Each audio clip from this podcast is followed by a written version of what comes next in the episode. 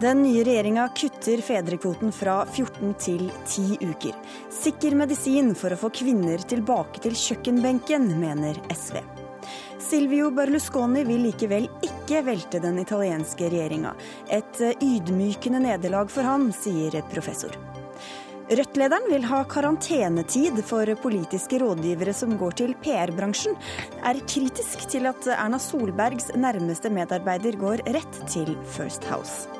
Og NRKs nye P1 Pluss er et plaster på såret etter at ironikere har fått voldta folkets radiokanal, mener KrF-politiker.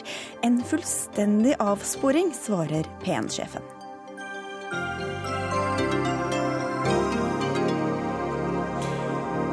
Men dette er NRK P2 og NRK2 og Dagsnytt 18 med Sigrid Solund i studio.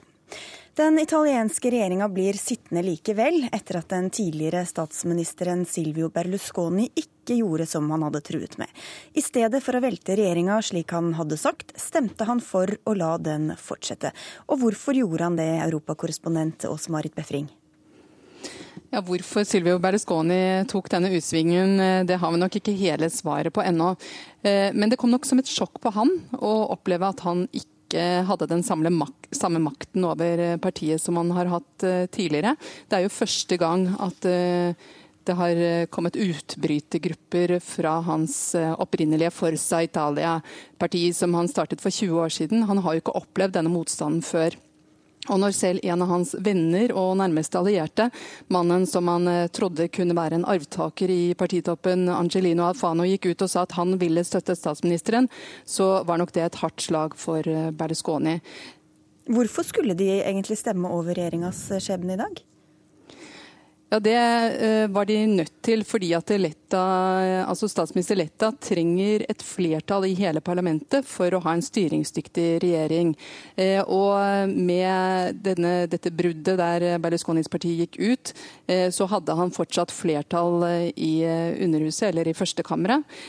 Men han hadde ikke flertall i Senatet uten at han fikk støtte støtte fra enten utbrytergrupper eller andre i opposisjonen. Eh, og Derfor var, var, det nødvendig for han å gå til parlamentet. Eh, og etter denne U-svingen eh, som Berlusconi tok, så ble det 235 stemmer for og 70 mot regjeringen. Statsviter og professor ved Høgskolen i Oslo og Akershus, Steinar Stjerne. Berlusconi hadde altså varslet at han ville stemme mot. Hvorfor klarte han ikke å få folk med seg, tror du, i sitt eget parti? Nei, Det var fordi eh, mange i hans eget parti mente at han hadde lyttet altfor sterkt til eh, det som ble betegnet som høyreekstreme elementer i, i partiet. Og dette har det vært strid om lenge internt, og mange har vært misnøyd med hans rådgivere fra, fra det ytterste høyre.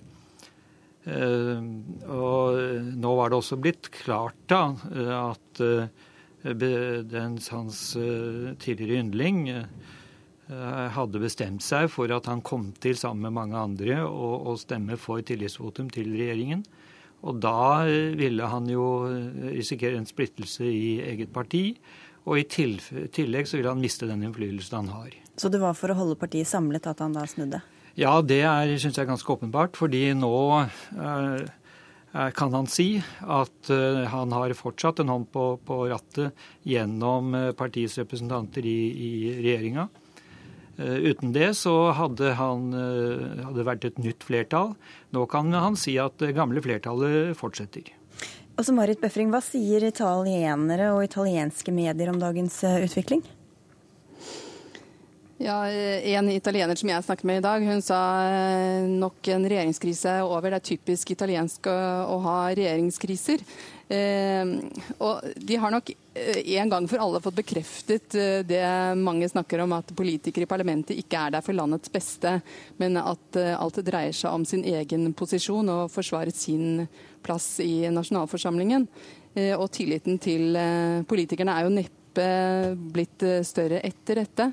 Eh, når det gjelder italienske aviser, så eh, har jo de vært ganske entydige kritiske til at Berlusconi ville gå ut av Eller trakk sine fem ministre ut av regjering. Og i dag så beskriver de dette spillet som en slags siste akt i Berlusconis karriere. Avisen La Stampa skrev at Roma er vitne til at at Silvio Berlusconi for første gang opplever at noen av hans egne sier nei til ham.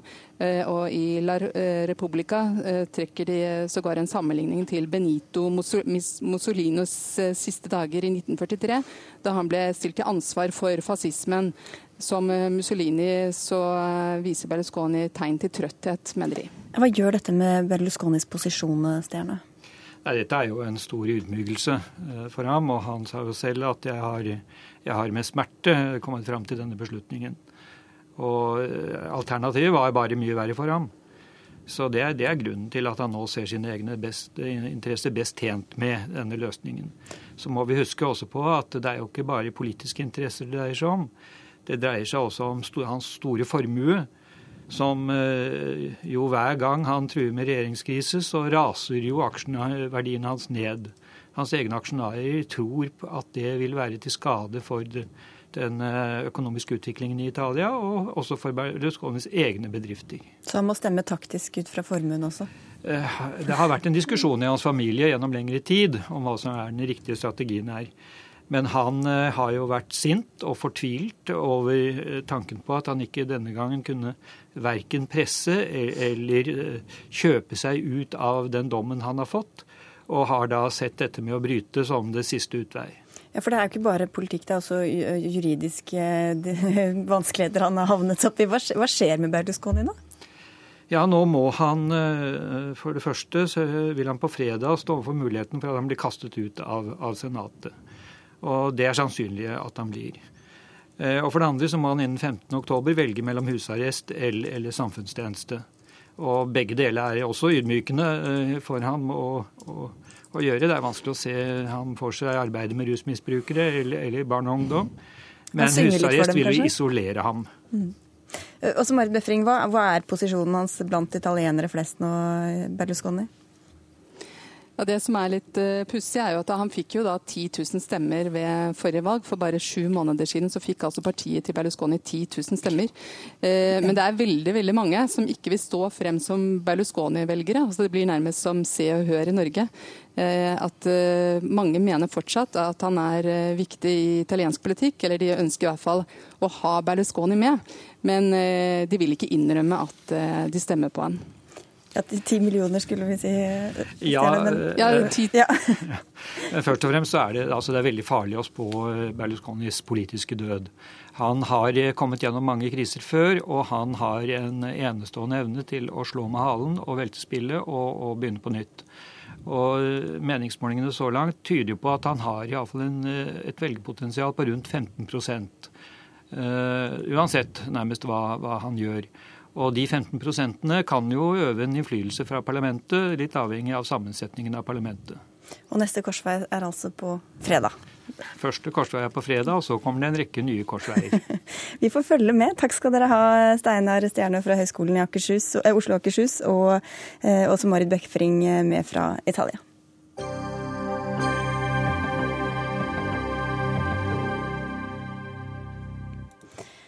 Fedrekvoten ble en av valgkampens store diskusjonstemaer, og nå er den det igjen, etter at de borgerlige partiene bestemte at fire uker av den skal kuttes, slik at bare ti uker er forbeholdt og må tas ut av far. Dermed tok det høyresida 14 dager å begynne kampen mot likestilling. Det skriver du i Dagbladet i dag, Ingvild Reimert. Du representerer SV i bystyret i Oslo. Hvorfor så sterke ord?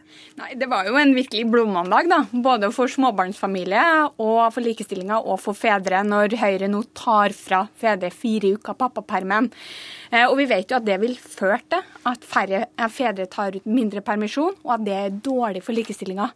Men det jeg også vil legge, merke, eh, legge, vekt på, er jo at det er utrolig dårlig for unger. At unger mister verdifull tid med pappaene sine. Og, det, og pappapermisjonen handler ikke bare om foreldres mulighet og eh, til å fordele likt. Det handler om ungers rett til å være sammen med pappa. Bli kjent med ham, få et bedre forhold og få et sterkere tilknytning til begge foreldrene. Men Det er jo bare snakk om å fjerne fire uker. Det er uker som har blitt lagt på de siste årene. Hvor stor effekt tror du det får? Ja, Det ville vært mye verre hvis de har fått det som Høyre vil og fjerna hele kvota. Men også det å fjerne fire uker, så vet vi at det vil føre til at eh, fedre tar ut mindre del av permisjonen. Og Fedrekvota og pappapermen er jo en eh, ordning som har fungert. Eh, siden 1978 har foreldre eh, kunnet fordele eh, permisjonen likt. Og så sent som i 1993 så tok bare 2-3% av fedre ut permisjon. Og i dag så tar hele 90% Så dette vet vi vil føre til at eh, fedre får mindre tid med ungene sine, og ungene mindre tid med fedrene sine. Og hvorfor vil dere det, Høyres Torbjørn Isaksen? Nei, altså vi, vi, har jo gått til valg på å si fri foreldrepermisjon, altså at mor og far kan fordele den helt fritt. Og så er dette her et kompromiss, for det både KrF og Venstre er for å beholde fedrekvoten. Eh, så ble det et kompromiss om at man tar fire uker, og så får foreldrene fordele litt mer fritt enn i dag, men så er ti uker forbeholdt far. Og Utgangspunktet for Høyre er jo ikke altså Vi er også veldig for at far skal være hjemme, vi er for at far skal ta ut foreldre, foreldrepermen sin, alle disse tingene her.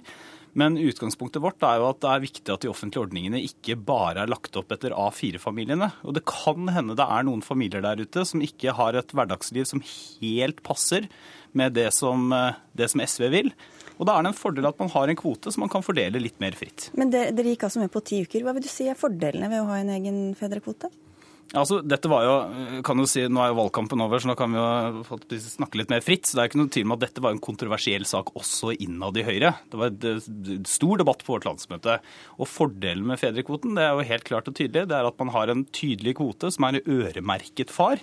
Og som da gjør at eh, kanskje har gjort at foreldre eller fedre tar ut mer permisjon enn tidligere.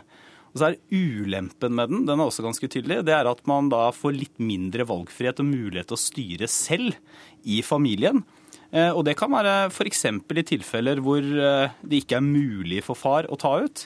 Eller en av de mange andre tusen eller titusenvis av grunner til at folk har lyst til å gjøre ting på en litt annen måte enn A4. Og Hvorfor vektlegger dere da det ene foran det andre? Wilhelmert? Ja, altså Hele forståelsen av valg og frihet her er jo veldig virkelighetsfjernt fra Høyre. For det er jo ikke sånn at vi sitter og fordeler foreldrepermisjon i et vakuum.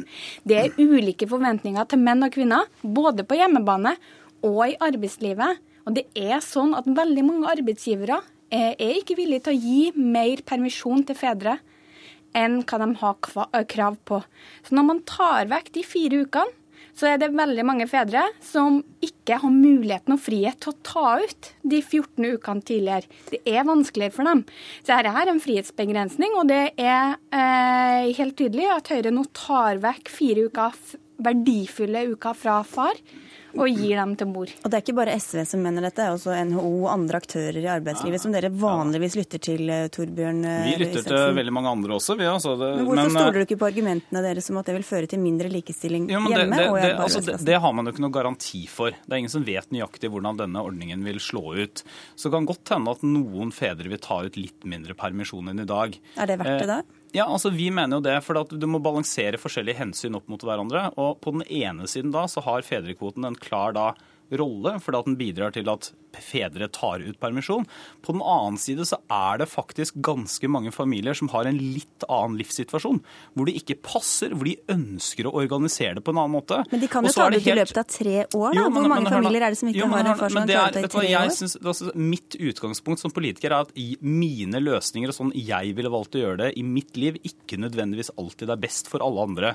Og det er en ideologisk forskjell mellom SV og Høyre på det. Og så er det sånn at Jeg er enig i at det fins uformelle strukturer i samfunnet som gjør at det kanskje er andre forventninger til menn og til kvinner. Men jeg syns også det er ganske viktig at de viktigste beslutningene i et familieliv de tas av to foreldre. Og jeg tror at det er kanskje viktigere for mange familier at de får lov til å ta den beslutningen når de sitter rundt kjøkkenbordet, enn at den er påført utenfra.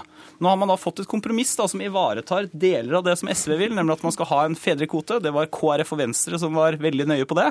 Og så får man litt mer av det Høyre vil, nemlig litt mer valgfrihet for familiene. Til og med en mulighet da f.eks. hvis det er helt umulig for deg å ta ut pappaperm, F.eks. hvis du er selvstendig næringsdrivende, så får du lov til å gi bort den til mor. Ja, for nå åpner de for ganske mange flere muligheter til at, eh, at, man, at mor kan overta permisjonen til far. Hva tror du det vil altså, føre til, Emil Hermel? Nei, altså Foreldrepermisjonen er som du sier veldig fleksibel. Man kan ta det ut over tre, tre år, man kan dele, man kan ha gradert. Det er mange muligheter her.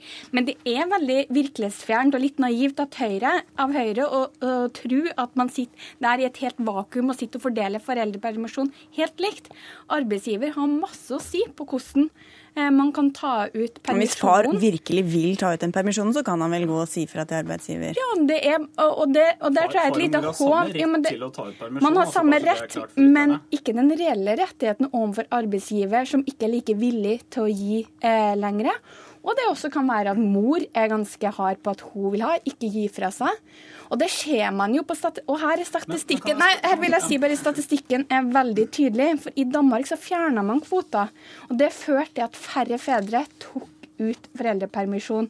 Og det er helt tydelig at når man i 1993, før man innførte foreldrekvoter i Norge, var bare 2-3% av fedrene som tok ut. I dag er det 90 men, men nå, nå, fjerner vi jo ikke kvota, da. Men jeg synes, så handler det om Ok, men Torbjørn Isaksen også. For ja, for jeg synes at du, du sier at det kan hende at mor f.eks. er veldig hard på at hun vil ha mer. Eh, og det kan godt hende. Helt sikkert noen som kjenner seg igjen i det. Helt sikkert noen både mødre og fedre som hører på, som syns det at det, det, ligner på min familie. Men da er mitt spørsmål er det noe vi som politikere skal gå inn og styre? Er ikke det, er ikke det en del av et ekteskap da, å diskutere f.eks. hvor mye permisjon skal du ha, hvor mye permisjon skal jeg ha? Og så er det viktig å slå, frem, slå fast at nå har man altså ti uker pappaperm, er det som blir den nye løsningen.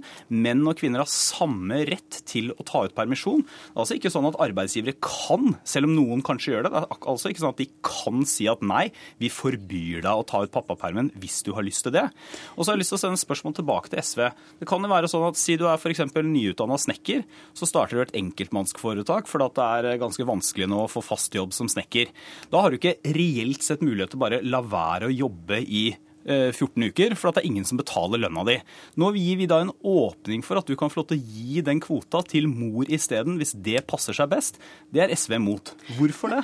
Men eh, hvis den snekkeren er kvinne, da, så vil jo kvinner ha akkurat den samme utfordringene eh, som menn. Sånn at det dere eh, løser her, det dere prøver å løse her, er jo fleksibilitet innenfor yrker. Men det dere gjør nå, er å ta fra det, fra menn og gi til kvinner. Så vi kan gjerne snakke om ulike fleksibilitet. Men Si hvorfor, hvorfor det ikke får bare bitte litt mer fleksibel ordning, da, som gjør at f.eks. hvis en selvstendig næringsdrivende ikke, som reelt sett ikke kan være uten lønn i 14 uker, for det er ikke noen arbeidsgiver som betaler permisjonen din, hvorfor kan ikke han da i hvert fall få lov til å gi bort den kvota til mor? Det også er dere imot. Hvorfor det? For, uh, Den foreldrekvota er veldig lukrativ, uh, og det er helt rimelig fra staten når den er en så lukrativ og god ordning. og vi vet at den er bra for likestillinga, bra for uh, unger, bra for fedre til å være sammen med ungene sine, og det er bra for næringslivet. Så det er helt rimelig synes jeg, at man legger en liten gulrot for å ha mer lik fordeling. Hva, men hva mener du at han Du får svare helt kort på det, Emil, for nå må vi avslutte. Ingen betaler den i 14 uker, skal han bare la være å jobbe? Som jeg sagt, jeg syns det er helt rimelig at når det er så gode ordninger, og vi vet at det er så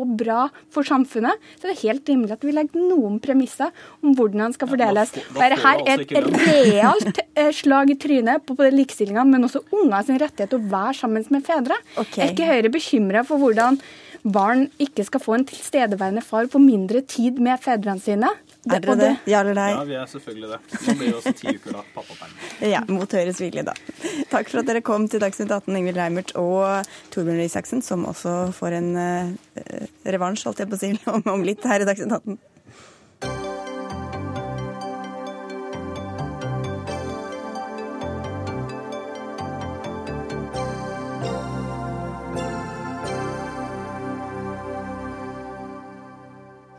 Arbeidere dør mens de bygger opp anleggene som skal stå klare til fotball-VM i Qatar i 2022. Elendige arbeidsforhold for innskyssede arbeidsfolk fra Nepal er bare én av mange alvorlige innsigelser mot at mesterskapet holdes i det lille, rike landet. Og hvilke andre problemer sliter de med, Frode da Costalia, du er redaktør i fotballtidsskriftet Josimar? Debatten fram til nå har jo dreid seg om det hele tatt går an å spille fotball her. Eh, eller ikke. At det er 50 varmegrader når eh, mesterskapet skal arrangeres.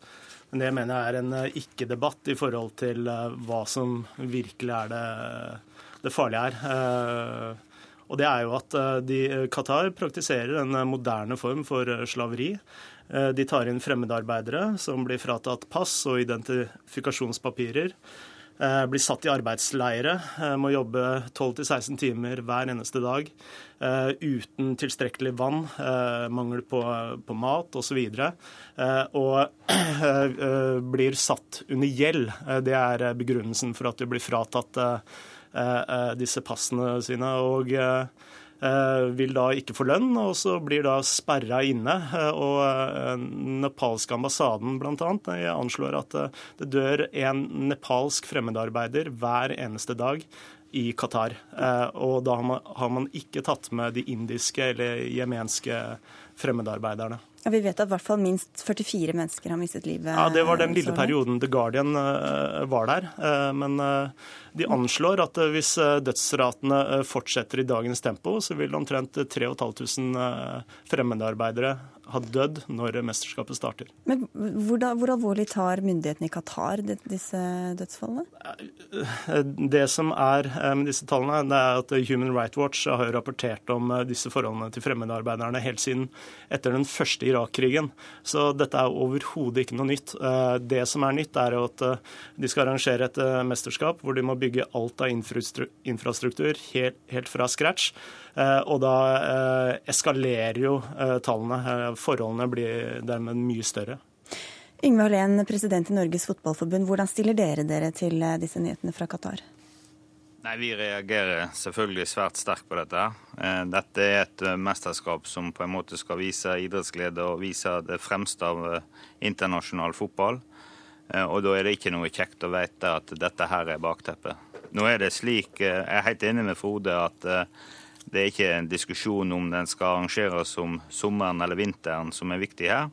Det viktige her er å legge til rette sånn at det blir gode arbeidsforhold. Og vi var i kontakt med LO for en god stund siden, der de tok dette opp med oss. Der vi også tok dette opp videre. Eh, og så ser vi også nå at eh, etter media, internasjonale media virkelig slår dette opp, så reagerer også Fifa på det. Hvilke muligheter har det internasjonale fotballforbundet og andre til å reagere på dette? Uh, har, jeg, jeg, skal vi, vi, høre med deg Costalia først. Ok, uh, uh, Ja, de kan jo selvsagt velge en annen vertsnasjon, og det syns jeg de bør gjøre. Eh, det har jo også kommet en rekke avsløringer i eh, The Guardian, BBC, eh, France Football osv. som avslører også hvordan Qatar i hele tatt fikk VM, som som uh, er også uh, en sak for seg sjøl. Ja, hvordan fikk de den når så mye taler imot? Ja, det som har vært oppe i media uh, og vært viden dokumentert, er at det er et sterk politisk press i en rekke av landene hvor eksekutivmedlemmene har vært fra. Et eksempel er jo Frankrike. En uke før valget, altså valget av vertsnasjon, så inviterer Niklas Sarkozy, eh, Uefas president, og en som er med å avgjøre eh, eh, valget av vertsnasjon, inn på presidentpalasset. Sammen med kronprinsen av Qatar. Og der etter møtet så spyler Qatar inn penger inn i fransk fotball. Kjøper en, investerer i en TV-avtale som på langt nær redder fransk fotball. Kjøper den største klubben. Uh, og i forkant av dette her også, så har også uh, Qatar uh, investert i militærutstyr fra Frankrike på to milliarder norske kroner, kjøper 60 Airbus-fly osv. Er dette korrupsjon, Hallem? Altså, jeg har ikke lyst til å gå inn i de enkelttilfellene som blir trukket fram her, men det er klart at rundt slike mesterskap så blir det øvd et virkelig politisk press Eh, mot de ulike aktørene som skal være med og ta bestemmelsen. Og eh, Fifa har jo også tatt selvkritikk på at denne måten som de blir valgt ut arrangør på, sånn at i framtida så blir arrangørene valgt på en helt annen måte. Det skal kvalitetssikres på en helt annen måte, og det skal forelegges mange flere før en tar et endelig valg i, i Fifa-kongressen. Eh, men det er jo, det er jo at Qatar som en en av Fifa-medlemmene også kan arrangere VM, eh, og også kan legges til rette for at de skal være et arrangørland, det får vi akseptere. Men det er, det er også ingen grunn til å gi det til Qatar på nåværende tidspunkt. De har ingen stor fotballkultur. Det er ikke noe nytt en løfter ut. Når en gir dette til Sør-Afrika, Eh, så utvikler en kontinentet, og en gir noe til et kontinent som virkelig har en fotballkultur. Det samme er når en prøver å utvide mot eh, Russland og gi det til Russland, så, så går det an å finne sånne argument. Men det går ikke an å finne rundt Qatar. Men, men, og Derfor stiller vi store spørsmålstegn med akkurat den tildelingen. Men når, i de foraene dere da har tilgang til, sier dere fra at dere mener at Qatar bør fratas eh, VM? Vi har vel ikke sagt at eh, de skal fratas. Da tror jeg at eh, vi må finne noe bevis på at det er gjort direkte feil i tildelingen mot Qatar. Jeg er helt enig med Frode i at en reaksjonsmåte mot de forholdene som er i Qatar nå. Det er å si at eh, dere får ikke arrangere det hvis det ikke er rydder opp i dette her. Men det å frata Qatar pga. at en har mistanke om at de har fått det på feil grunnlag, da tror jeg det blir mye, mye juristmat inni dette her, og veldig vanskelig. Da vil det bli store saker i kjølvannet av det. Men å gå på rettighetene til arbeidere og andre Det eneste prinsippet som jeg tenker eh, er viktigste når man velger en vertsnasjon, og det er at man respekterer helt grunnleggende menneskerettigheter for å bli premiert med et av verdens største idrettsarrangement som det fotball-VM er. Og det gjør ikke Qatar. Og det var kjent også før eh, valget av eh, vertsnasjon. Men hva burde f.eks. Norges Fotballforbund og andre gjøre da? Nei, de må jo i de foraene eh, de har tilgjengelig for seg gjennom Uefa og Fifa, si, si sitt eh, synspunkt. Eh, og, og yte press det de kan. Hallén, det er jo langt fra sikkert at Norge klarer å kvalifisere seg til VM, men hvis så skjer, hvordan vil det norske laget forholde seg til å delta i Qatar når den tid kommer? Jeg tror ikke du kan se at bare Norges Fotballforbund skal si at eh, da skal vi boikotte det. Eh, når vi bygger en eventuell boikott, så er det lag med andre nasjoner pga. at vi mener at det er grunnleggende ting som blir brutt. Og det er også i, Selvfølgelig, om vi er uavhengig av det norske utenriksdepartementet, så vil vi alltid lytte til dem, hvordan en skal forholde seg i sånne saker. Det gjør vi også i de problemene vi er oppe i nå, pga. at det er nettopp gjennom slike kanaler, gjennom at en får innpass, vi også kan øve press. Og Det er den innpassen vi også må ha i Fifa. Da må vi ha en dialog med dem. Vi, vi, vi kommer ikke rundt dem hvis ikke vi får en dialog med dem. Og da skal vi absolutt øve press. Og det har vi gjort til nå. Eh, det vet også eh, Frode, og, eh, og, det skal vi også gjøre i framtida. Helt kort til slutt, Frode da Costa Lia. Hva skal til for at fotball-VM blir flytta til et annet sted i 2022? Uh, politisk press. Takk skal dere ha, Frode da Costalia fra Josimar og Inge Hallén fra Norges Fotballforbund.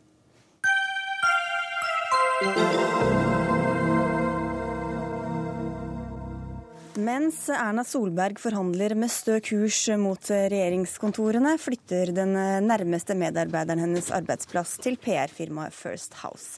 Den nylig avgåtte pressesjefen Håkon Dagestad har jobbet for Solberg i mange år, vært tett på viktige avgjørelser i Høyre, og han begynner i den nye jobben som PR-rådgiver om tre uker etter en liten ferie.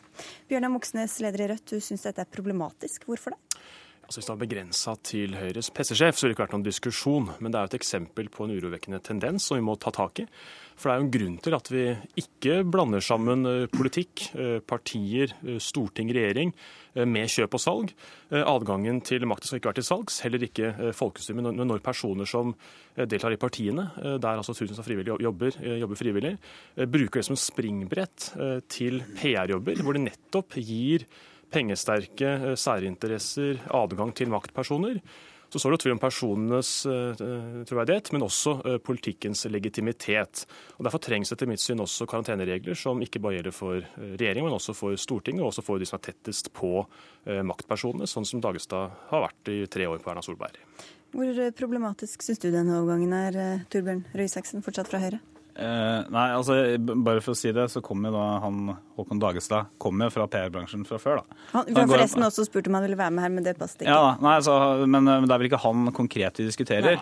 Eh, men, men, nei, altså, jeg synes at er, vi skal alltid diskutere altså Det er viktig å ha en sånn levende debatt, særlig for at det har vokst fram en, en ganske stor kommunikasjonsbransje. Og det har, kan ha noen potensielt problematiske sider. Vi vet at f.eks. i Oslo så har jo da Julie Brottkorp, som er nå eh, inne i Høyres apparat igjen, hun forsøkte å søke fritak fra sitt folkevalgte verv fordi hun også holdt på i et eh, kommunikasjonsbyrå. Så det er noen sider der. Men det jeg syns er problematisk når eh, Bjørnar Moxnes snakker, det er punkt én at det er veldig mange store ord, men jeg klarer ikke helt å få fatt på hva han mener er det store problemet. Det er jo ikke sånn at det blir kjøp og salg av det norske demokratiet fordi en som har vært ansatt i et politisk parti, altså ikke folkevalgt, ikke i regjeringsapparatet, men ansatt i et politisk parti, får seg en annen jobb etterpå. Og det andre er at jeg mener at han blander litt, for han ser ikke at det er en forskjell på regjeringsapparatet, hvor man da har karanteneregler. det er fordi de driver med direkte myndighetsutøvelse. Og f.eks. en folkevalgt stortingsrepresentant, eller da en som er vanlig ansatt i et parti. Ok, Hva er problemet, Bjørnar Moxnes? Altså, det er jo mange som har påpekt at det er et stort uh, problem når personer den ene dagen uh, er eh, folkestyrets tjenere, og den neste dagen opptrer som uh, pengemaktas tjenere. Et eksempel på det er jo nettopp det ramaskriket som, som, kom da Bjarne Håkon Hansen ble avslørt som lobbyist for, for barnehagekjeden Espira og om sin egen regjering som har vært med i for kun kort tid siden. Det er det ene at det jo svekker svekker folkestyret, og så styrker innflytelsen til pengesterke interesser, som ofte opptrer skjult gjennom PR-byråene. Så det er det at de er pengesterke, er det det som er problemet? Det er det at det forrykker balansen i, deres retning, naturligvis, og at det styrker innflytelsen til interesser som bruker byråer som First House og andre for å påvirke bedre inn mot beslutningstakerne. Men hvor lenge skal man sitte utenfor arbeidslivet etter å ha vært folkevalgt eller rådgiver ja, eller regjeringsapparatet? Det finnes jo andre jobber heldigvis da enn PR-bransjen, men det har vært, vært bl.a. brukt en karantenetid på på et halvt år, eh, med et saksforbud på et halvt år til, altså til sammen ett år. Eh, det var det som var for Bjarne Håkon Hansen, tror jeg. Som da karanteneutvalget har bestemt for regjeringa. Eh, og Så kan jo Stortinget lage regler for de som er på Stortinget, og så kan partiene diskutere eventuelt regler for eh, partiansatte som er tettest på de indre sirklene eh, hvor makta utøves. Så det er jo klart, Dette kan diskuteres mellom partiene og på Stortinget som ønsker å være enig i prinsippet. Men er man uenig i det, så er det jo naturligvis vanskelig å gå inn for det. Og Hvis du syns det er greit i regjeringsapparatet, hvorfor skal det ikke være det samme med Stortinget? Nei, jeg synes, jeg synes, men jeg syns det er litt viktig å skille også mellom storting og de som er ansatt på Stortinget, men, og regjeringsapparat. Altså Regjeringsapparatet driver med direkte myndighetsutøvelse. De folkevalgte i Norge, så er det f.eks. så er det ikke på Stortinget noe som helst form for Altså man kan ikke erklæres inhabil på Stortinget. Og Det er fordi det er folket som har valgt deg inn, og da jobber du med store, brede saker. Så uansett om, eh, om jeg hadde jobbet i skolen og sittet og vedtatt skolepolitikk, så hadde jeg ikke vært inhabil. Ei heller om jeg hadde eid noe og hadde vedtatt rammebetingelser for næringsdrivende. Det er viktig. og Det betyr også at det er problematisk med tanke på det å innføre veldig strenge eller ha den type yrkesforbud for politikere etterpå. Eh, når det gjelder de ansatte, så mener jeg det er igjen en helt annen sak. Eh, rent som praktisk så vil jeg jo si at de aller fleste som jobber på Stortinget, mange av dem er unge. Det er relativt eh, godt utdanna folk som har stor kunnskap, lavt betalt, sammenlignet med den utdannelsen de har tatt og hva de kunne fått i lønn andre steder. Og Hvis man skulle hatt en type yrkesforbud for dem etterpå, så mener jeg at det ville gjort at veldig mange flinke folk ikke ville gått til politikken. Da ville jo heller gått til butikk først. Og så syns jeg det er veldig vanskelig å sette grensen også. Er det, er det eh, Bjørnar Moxnes mener det åpenbart at det er feil å gå til et kommunikasjonsbyrå? Hva hvis du går til f.eks. Statoil, Hydro, Eh, landsorganisasjonene LO, NHO. Hva med Amnesty International okay, f.eks.? De er jo kjempeinteressert i hva slags eh, strategi partiene har, de også. Hvis, hvis, man er enig i prinsippet, så kan nok praktiske spørsmål løses. Men her, her, her, her skyver nok eh, Høyre det foran seg. Jeg, jeg, jeg skjønner ikke helt hva prinsippet er. Jo, Det kan jeg godt forklare deg. Altså Prinsippet som veldig mange har, har reagert på, det er jo at personer som enten selv deltar i regjeringsapparatet, eller for den saks i partiene eller på Stortinget, dag, altså neste dagen kan opptre som, eh, som aktører som jobber, jobber, for skjulte interesser, som jobber, som da fakturerer dem ganske, ganske solid gjennom PR-byråene. Det altså gir altså en unik tilgang til beslutningsapparatet som veldig få andre har. Og det er også i det skjulte, for det er ikke ingen åpenhet rundt, rundt kundelistene.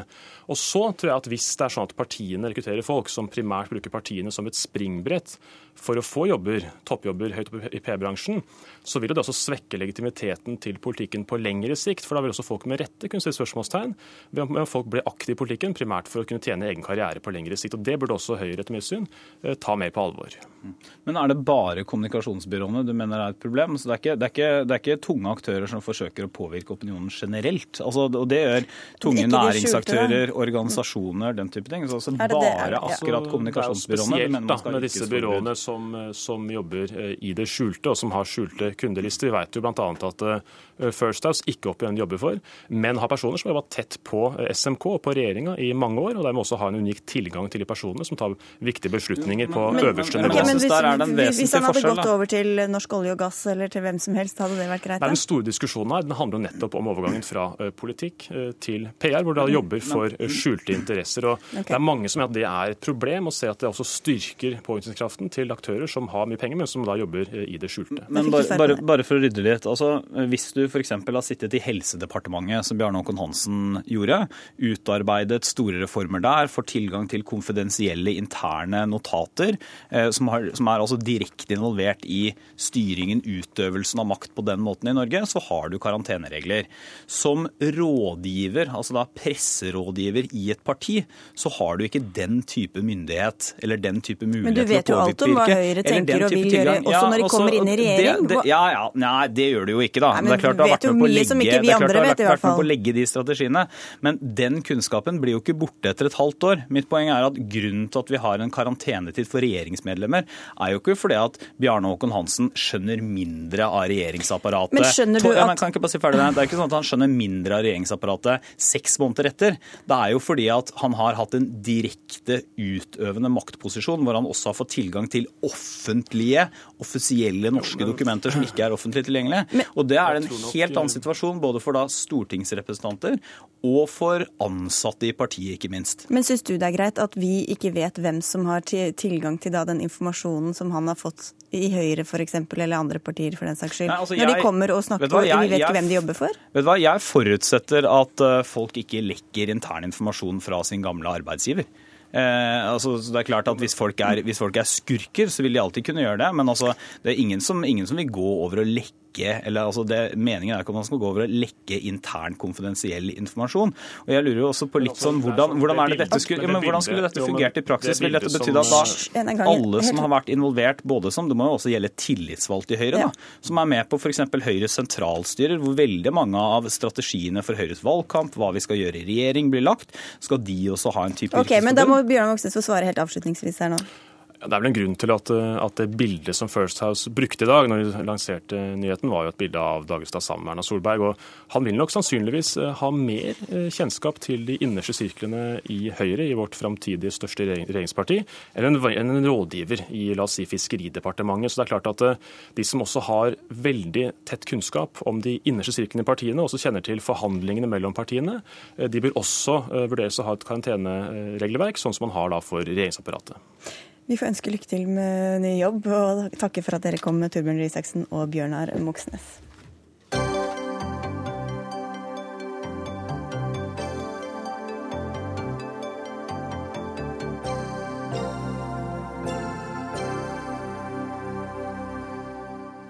I dag fikk NRKs radiofamilie et nytt eh, medlem. P1 Pluss har kjente radioprofiler som Hans Petter Jacobsen, Kari Sørbø og Hanne Hoftun. Men den som fikk æren av å starte ballet klokka sju i morges, var deg, programleder Viggo Valle. Gratulerer. Tusen takk. Hva slags kanal er P1 Pluss? Det er en kanal for alle som elsker radio, og det er klart et eh, alternativ og et supplement til det største kanalen NRK P1. Og hvem håper dere vil høre på? Først og fremst de som er godt voksne, som husker musikken fra 60-tallet, og som kanskje har glemt at de likte den, den, låta vi spiller. Og for de som, eh, som jeg sa, som elsker radio, og som kanskje er vokst opp med radiomonopolet og husker hvordan radioen var den gangen. Får gratulere deg også, Jon Branes, kanalsjef i P1. Hvorfor oppretter dere nå P1 pluss? Eh, det korte svaret på det er jo fordi vi kan. Digitaliseringa og overgangen til DAB gjør at det er plass for flere kanaler. Vi vet eh, med den medieutviklinga vi har i dag, at eh, lyttere er ikke så veldig lett å sette i boks lenger. Det å ha tre kanaler som eh, ja, Folk husker kanskje det fine bildet av Einar Førde i tre kanaler. Det, folk lar seg ikke sortere så lett lenger. De har mer differensiert smak, og det gjør at vi bør gi dem et mer differensiert tilbud for at folk skal være fornøyd med lisensen. Målgruppe er altså de som er eldre enn de som hører på P1 til daglig. Men hvor, hvorfor tror dere at eldre lyttere vil lytte til eh, DAB eller på nettet, og ikke på en vanlig FM-kanal? Jeg tror at alder blir mindre og mindre relevant. Ja, jeg tror nok med utgangspunkt i musikken at denne kanalen nok vil treffe best folk som er godt voksen. Men det er heller ingen grunn til å tro at de ikke skaffer seg digitalradio. Det er en meget kjøpesterk og oppegående gruppe det er snakk om her. Og hvis vi ser på statistikken, så er du faktisk mer troende til å ha tilgang på digitalradio hvis du er over 60 enn hvis du er yngre.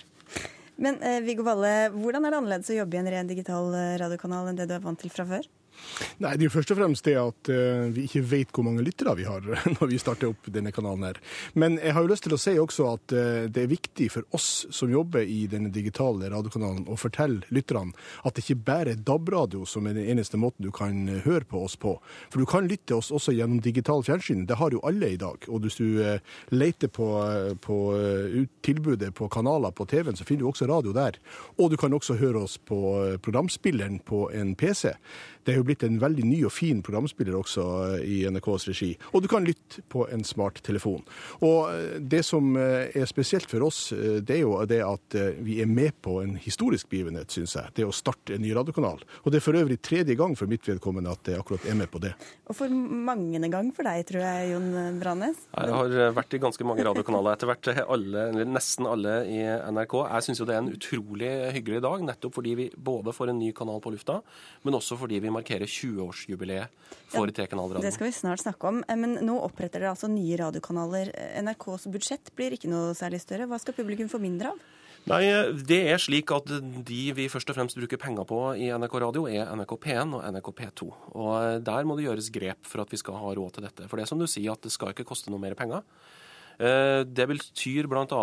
at det blir mer repriser i nattradioen. Og det betyr at det blir mer repriser i NRK P1 på lørdag. Og det betyr at vi må utvide noen program som for så vidt vi er glad for å utvide, slik som Popquiz og Øde øy på lørdager. Eh, og det betyr at eh, vi er nødt til å gjøre noen grep også på sendeskjemaer på søndager etter hvert. Men så langt har vi ikke kommet ennå. Men det blir sånn, vi må justere oss. Og imens kan vi kose oss med Trim foreldre på morgenkvisten på BN+. Jeg syns Ine Vigernes i dag tidlig var veldig flink.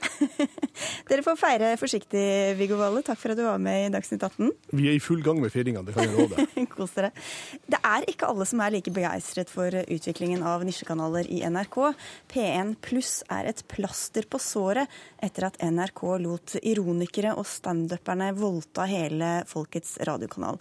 Men ønsker NRK å samle folket? Det skrev du på Twitter i dag, KrFs Øyvind Håbrekke. Hva mente du med det? Jo, la meg først si at uh, NRK er veldig mye bra. Det skal sies først. Uh, men så uh, må vi jo spørre oss hva er oppdraget til NRK? Jo, oppdraget til NRK bør jo være å være en, et fellesskapsprosjekt. Det er jo det NRK er. Det er derfor vi har lisensen, det er derfor vi betaler for at vi har NRK. I et samfunn som i dag, der vi har veldig mye fragmenter, et veldig fragmentert samfunn, så er NRK, en av NRKs hovedoppgaver å bygge bruer mellom generasjoner, mellom ulike landsdeler, mellom kulturer og i det norske samfunnet og samle oss. Og Der har man hatt en, en fantastisk eh, skatt av flere i NRK, som heter P1 som NRK sjøl har titulert som hele folkets radiokanal. Men Som du mener du er blitt voldtatt? Ja, Det var jo et uh, Twitter-språk, for å si det sånn, men, uh, men, substansen står jeg for. også den. Der har man jo Det som var hele Folkets radiokanal, har man jo da endra profil på og latt uh, type komikere, type rappkjefter, lettbeinte uh, standupere og andre ta over.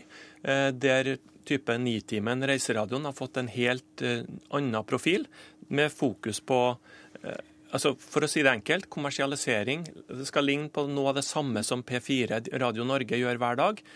Og en forflatning egentlig som, eh, som eh, ligger utafor NRKs eh, oppdrag. Hvordan eh, kjenner du deg inn i den beskrivelsen, kanalsjef Jon Brannes? Jeg kjenner meg overhodet ikke igjen. og Jeg vil oppfordre Håbrekke til å beklage ordvalget sitt på Twitter. Det er en offentlig arena, og jeg syns det var upassende å bruke den metaforen. Så det vil jeg oppfordre deg til. Jeg har vært kanalsjef i NRK P1 i fem år og får veldig mye lytterreaksjoner. Jeg forsøker så godt jeg kan å lese alle, men du tok faktisk kaka i dag. Så det, det syns ikke jeg noe om. Men når vi skal først snakke sak her, så er jeg helt fundamentalt uenig med deg. Vi lager en radiokanal som fremdeles samler folket mellom 1,6 og 1,8 millioner nordmenn hver eneste dag.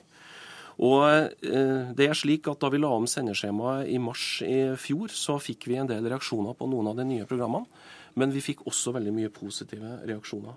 Målet med omlegginga var å tilgjengeliggjøre enda bedre det som er ryggraden til NRK P1, nemlig den lokale journalistikken som vi driver i primetime. I tillegg til at vi ønska å være så relevant som mulig gjennom dagen for de fleste norske lyttere. Men Håbrekke, nå lager vi altså nisjekanaler her i NRK. Er det ikke bedre at alle får noe de kan like, i stedet for å lage et sånt minste felles multiplum som ingen egentlig trives så godt med? Ja, Det er jo det som er bra med at vi har fått mulighet for digital radio. At vi nå får DAB-radio bygd ut det i Norge. Da kan man jo tilby begge deler. Det er veldig bra at NRK kommer med tilbud som P1 pluss og nisjeradio for ulike målgrupper. Men noe av NRKs hovedoppdrag det er jo nettopp å være fellesskapsarenaen som bygger bru og gjør at vi i et ellers fragmentert og mangfoldig moderne samfunn har noen fellesarenaer, noen felles referanser. Og det har jo F.eks. jeg vil så Gullrøkka går langt i å gi oss det på fredagskvelden. P1 har jo vært det i generasjoner. Men hvordan vet du at ikke det er det nå lenger, når de har såpass høye lyttertall som det de har?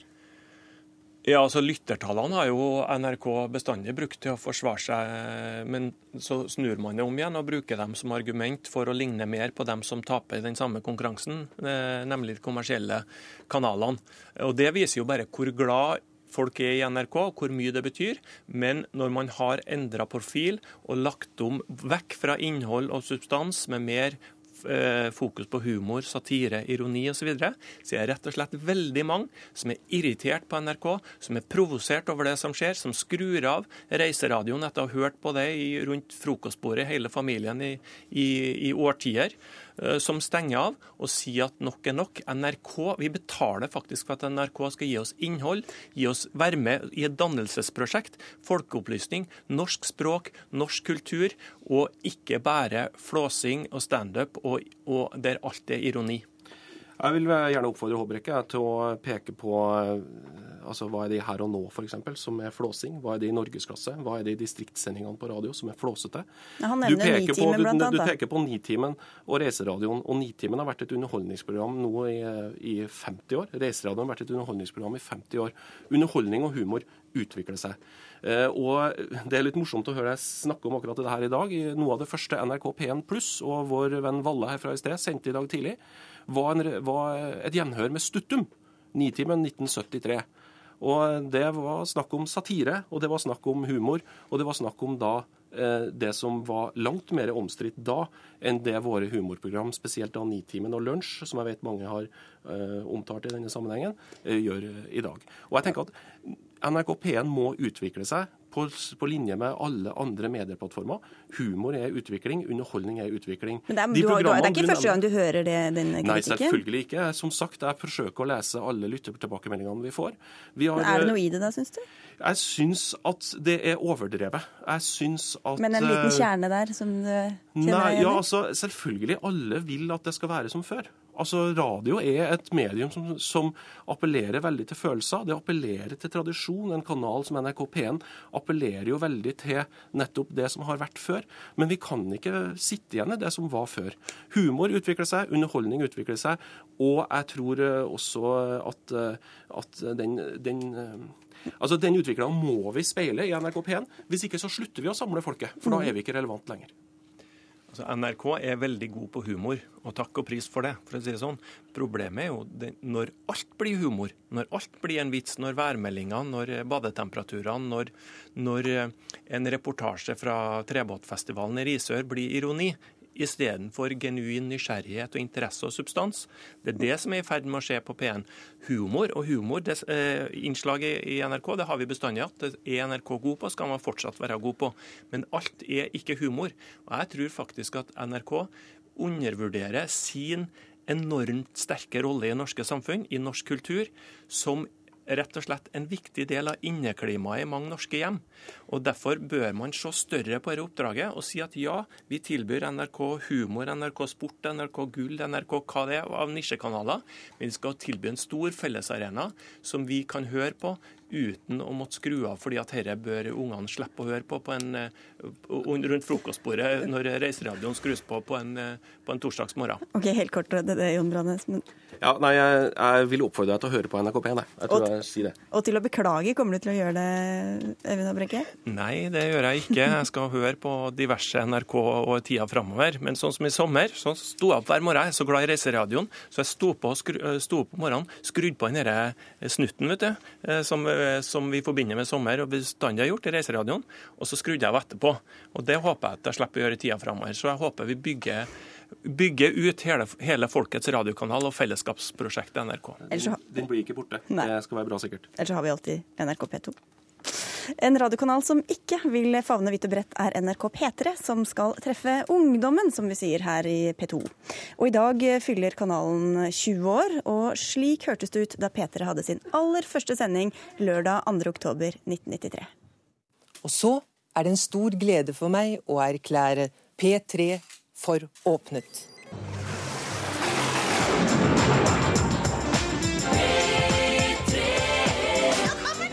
Nå er dagen endelig her. Lars Erik Mørk ønsker på vegne av en meget spent gjeng velkommen til P3, din nye radiokanal.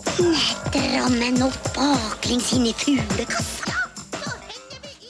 Selv en ung radiokanal har veteraner. Kari Slottsveen og Gunhild Dahlberg, velkommen til Dagsnytt 18. Tusen takk for det. Kari Slottsveen, du var med da P3s startskudd gikk. Hva husker du fra åpningsdagen? Ingenting. Ingenting. Hvorfor ikke? Det er 20 år siden. Husker du en bestemt dag for 20 år siden? Jeg gjør ikke det. Jeg husker at vi gikk på lufta av Mirma 1000. Jeg husker at vi var veldig spent, så jeg husker jo noe. Men husker jeg innhold? Mm, nei. Husker jeg alle innslagene? Nei, det gjør jeg ikke. Jeg husker at vi spilte radiosjakk.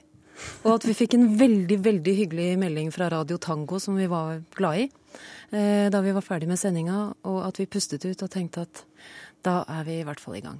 Men du var også med på prosessen på, i forkant uh, for å mm. starte, starte, P3. Hvordan var den? Det var jo en, en uh, liksom kronglete vei fram mot trekanaldeling. Uh, og vi holdt på med forprosjektering, og vi hadde et forsøksprosjekt på gamle Hva blir det, da? Gamle P1, altså gamle Kultur- og underholdningskanalen, som het Rush.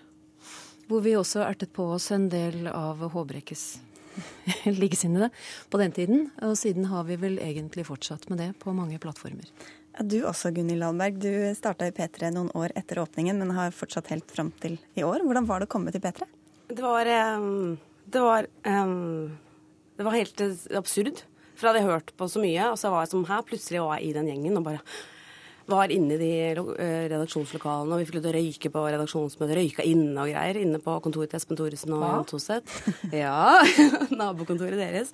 Så det var kjempestort. Jeg hadde jobba eh, noen år i Radio Nova eh, før det, og hørt masse på P3, som særlig Irma Tusen var dritfan av. Så jeg kom meg på skolen og sånn. Så da jeg plutselig begynte å jobbe der selv, så sto ikke verden til påske. ja, Irma Tusen, hvordan ble det mottatt, Kari Slåssvenn? Jeg tror jo det gikk ganske bra. Nå må man huske på at vi hadde faks.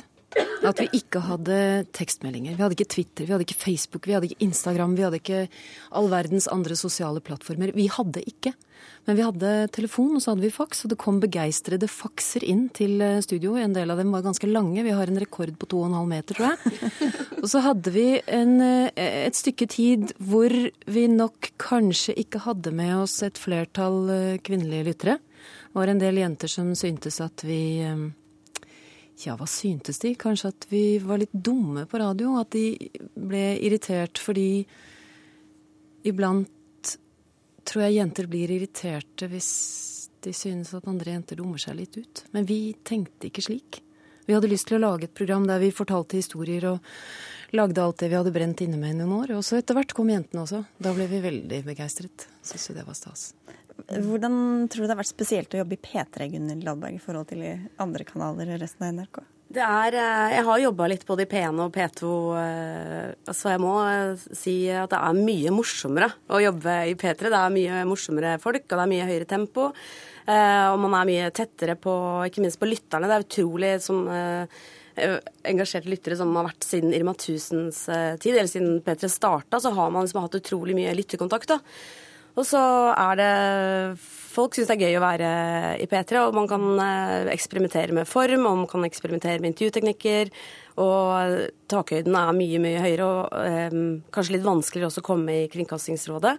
Uh, selv om egentlig ledelsen i P3 drømmer om at vi skal komme i Kringkastingsrådet, for da er vi enda gærnere enn det, enn det, enn det de... Vi kan gi dere noen tips der i nyhetsavdelingen for hvordan man ender ja. der. Men det er jo en del av de stemmene som forbinder med P3, som er godt over den målgruppa P3 selv i alder uh, henvender seg til. Hvordan veit 40-åringene hva 18-åringene syns er gøy å høre på radio?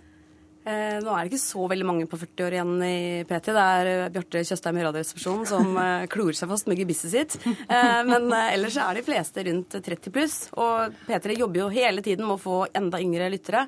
Men eh, det er ikke så lette å nå, da. Men jeg tror at ikke de på 15 hører så, så mye på radio. da. At det alltid har vært litt problem. Jeg syns P3 gjør det de skal, jeg. Ja. Det er en del eldre lyttere som skaler av etter hvert, og slik skal det vel være. Så kommer NRK med nye kanaltilbud nå framover på DAB, og vi finnes på veldig mange forskjellige plattformer. Og P3 skal være en kanal for unge lyttere, og det tror jeg jammen de er. De er blitt ordentlig proffe. Du er blitt, oh, unnskyld, du er blitt en P1-dame med kveldsmat og Ja, nå er jeg ikke det lenger. Nei, du har vært det. Ja, nå har jeg vært på P1 i ti år, og nå er min tid på P1 over. Så nå har jeg sagt ha det til P1. Det kan vel hende at det er en del, f.eks. Håbrekke, som vil være lykkelig for det etter en lang sommer med Reiseradioen. Jeg vet ikke om han er oppe så sent? Eh, nei, jeg tror ikke det. Jeg kan heller ikke huske at vi har spøkt med badetemperaturene. Jeg ble sittende og grunne en stund i sted, men, det, men jeg kommer ikke på det. Jeg, men vi skal lage en ny kanal i slutten av januar. Ja, for det er mange som har etterlyst en kanal for eh, dem som er blitt litt for gamle for P3, og som ikke føler seg helt hjemme på P2. Eller P1. Eller P1. Det tror jeg er en direkte konsekvens av det arbeidet som P3 har gjort eh, nå i 20 år. Mm. Fordi at eh, folk er, eller den målgruppa som P3 har hatt, er, er vant til å høre en helt annen type radio. Så når de da blir for gamle for innholdet som P3 har nå, så skrur de over på P2, så er det for treigt. Og så skrur de over på P1, så er det for lett. uh, sorry. Nå kommer jeg i konflikt med P2 her. Nei. Uh, du må passe på hva ja, du sier. Ja. Men, men hvilke utfordringer står P3 overfor deg, tror du? Eh, P3 de, Det har jo vært veldig pungtungt eh, i alle år. Så de burde jo Altså mange menn? Mye menn, ja. Eh, på lufta og i redaksjonene. Så de burde få på flere jenter.